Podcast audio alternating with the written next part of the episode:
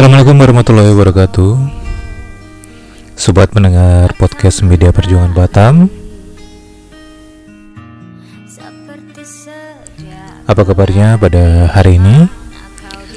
Hari ini tanggal 6 Januari tahun 2021 Bertepatan dengan hari Rabu. Masih bersama saya Suharyete Menemani aktivitas Anda Semoga hari Anda selalu diliputi dengan kebahagiaan dan kedamaian. Kedamaian.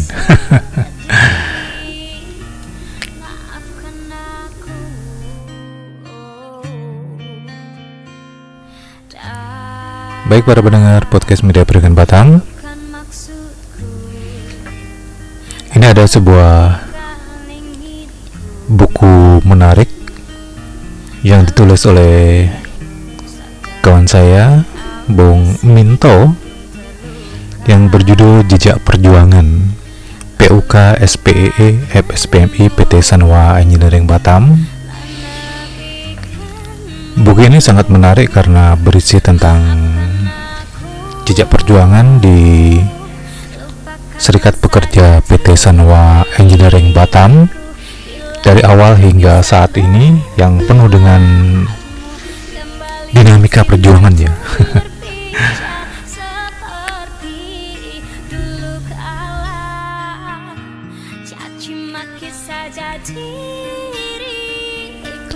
Dikisahkan oleh Bominto bahwa pada awalnya eh, serikat pekerja di PT Sanwa Engineering.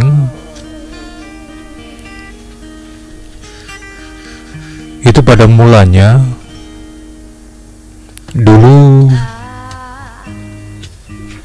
ada serikat pekerja yang bernama SP Lim ya SPSI berdasarkan cerita dari teman-teman yang sudah terlebih dahulu masuk ke dalam perusahaan pada tahun 1999 sebenarnya sudah ada serikat pekerja dan ini menjadi serikat pekerja pertama di PT Sanwa dengan nama Serikat Pekerja Lim SPSI PT Sanwa Engineering di mana keberadaan SP ini tidak bertahan lama. Di era tahun 2000-an, serikat pekerja ini langsung tumbang ya. Organisasi ini hanya mampu bertahan kurang lebih dua tahun. Berawal dari pemukukan yang dilakukan oleh serikat pekerja, pengurus beserta korlap-korlapnya terkena PHK. Mereka nampaknya tidak siap terhadap uh, berbagai macam union busting ya yang dilakukan oleh pihak perusahaan waktu itu.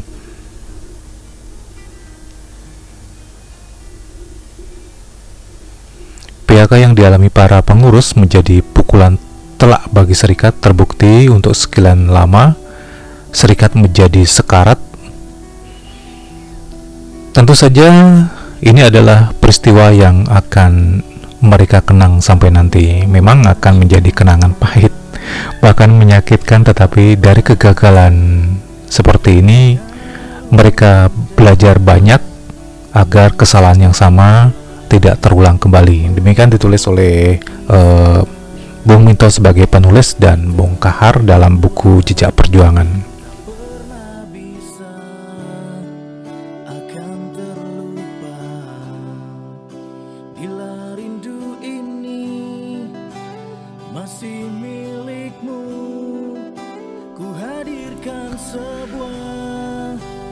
Nah, setelah itu, setelah cukup lama, mereka tidak memiliki serikat, yakni pada tahun 2000 hingga tahun 2005.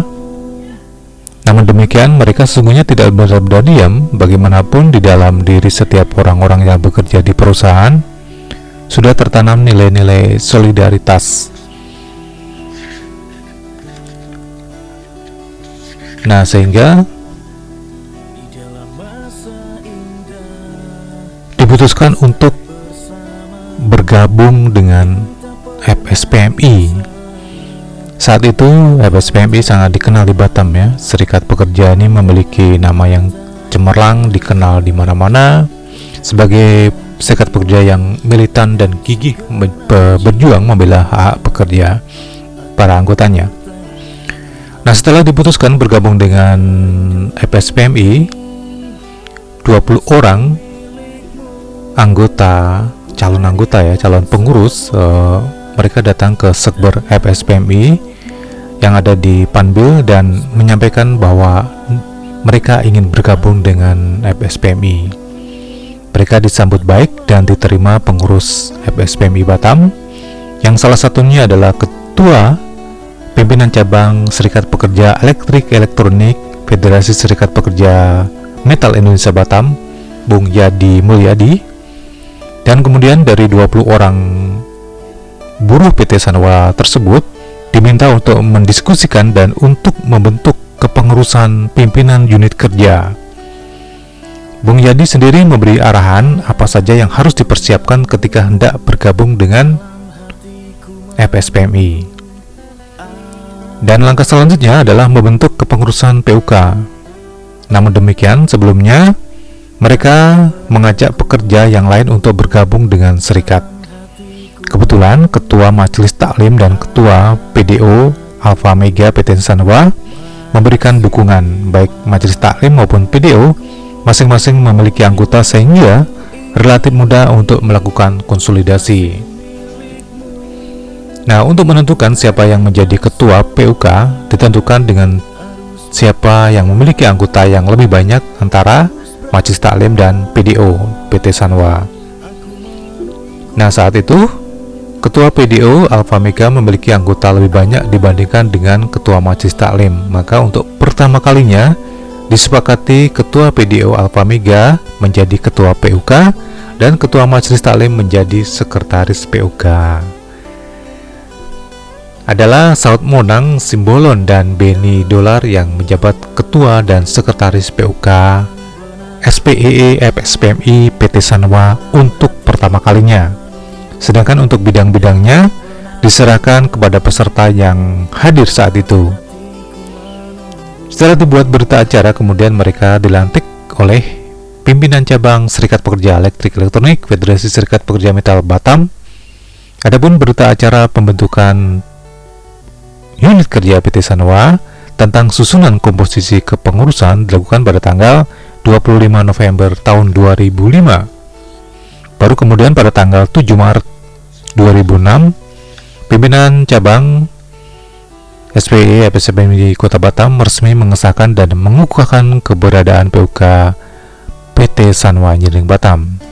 Sebagai ketua, Saat Monang dan wakil ketua adalah Raden Rinaldi Ilham, Wahyudi, Lutfi, Asuri, dan Andi. Sementara itu untuk sekretaris adalah Benny Dolar sebagai wakil sekretaris.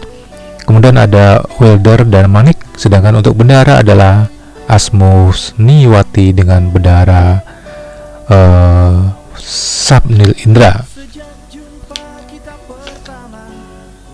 Sejak disahkannya oleh pimpinan cabang, pengurus PUK berusaha untuk menyampaikan dan bersosialisasi kepada perusahaan.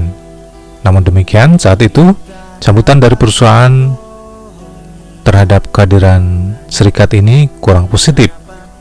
Ketika mengajukan untuk bertemu dengan pemilik perusahaan untuk membicarakan permasalahan yang ada, tidak pernah terwujud sekali. Sama sekali ya. Bahkan untuk bertemu dengan general manager saja tidak bisa Nah, dampak dari komunikasi yang tersumbat inilah menyebabkan hubungan industrial yang tidak bagus. Beberapa manajer bahkan melakukan intimidasi terhadap pengurus PUK yang ada. Sebagai contoh, pada September tahun 2006, bendahara PUK di PHK dengan alasan melawan atasan. Kemudian, wakil ketua bidang perempuan juga terkena PHK dan dipidanakan terkait surat kaleng ke perusahaan yang menuduh manajemen di Batam melakukan dugaan korupsi. Surat kaleng ini kemudian dijadikan alasan untuk melakukan PHK dan mempidanakan yang bersangkutan. Serikat pekerja melakukan pembelaan terhadap dua orang pengurus tersebut, bukannya mempekerjakan, justru pihak pengusaha kembali melakukan PHK terhadap dua pengurus PUK. Ini terjadi pada November tahun 2006. Jadi belum uh, satu tahun sudah empat orang pengurus PUK yang di PHK. Wajar jika kemudian timbul kekhawatiran di antara anggota pengurus saja bisa di PHK, bagaimana dengan anggota biasa? Kondisi ini juga mempengaruhi pekerja yang lain sehingga banyak yang khawatir ketika diajak bergabung dengan serikat pekerja. Bahkan tidak sedikit yang mencari aman tidak mau dekat-dekat dengan serikat.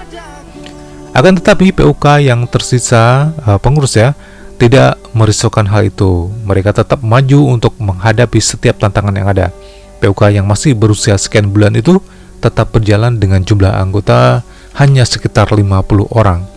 Keuangan minim, banyak kesulitan yang dihadapi, akan tetapi mereka tidak gentar.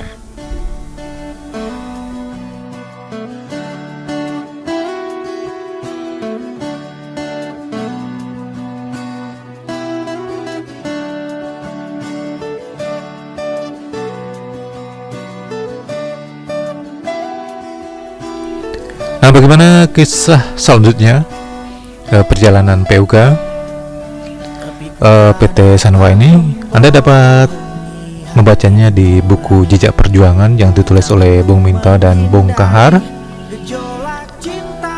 Anda dapat memesannya melalui personel media perjuangan Batam atau mungkin bisa menghubungi uh, PUK PT Sanwa Engineering Batam. Kita akan melanjutkan pada bab kedua nanti ya teman-teman. Kita rehat dulu sejenak.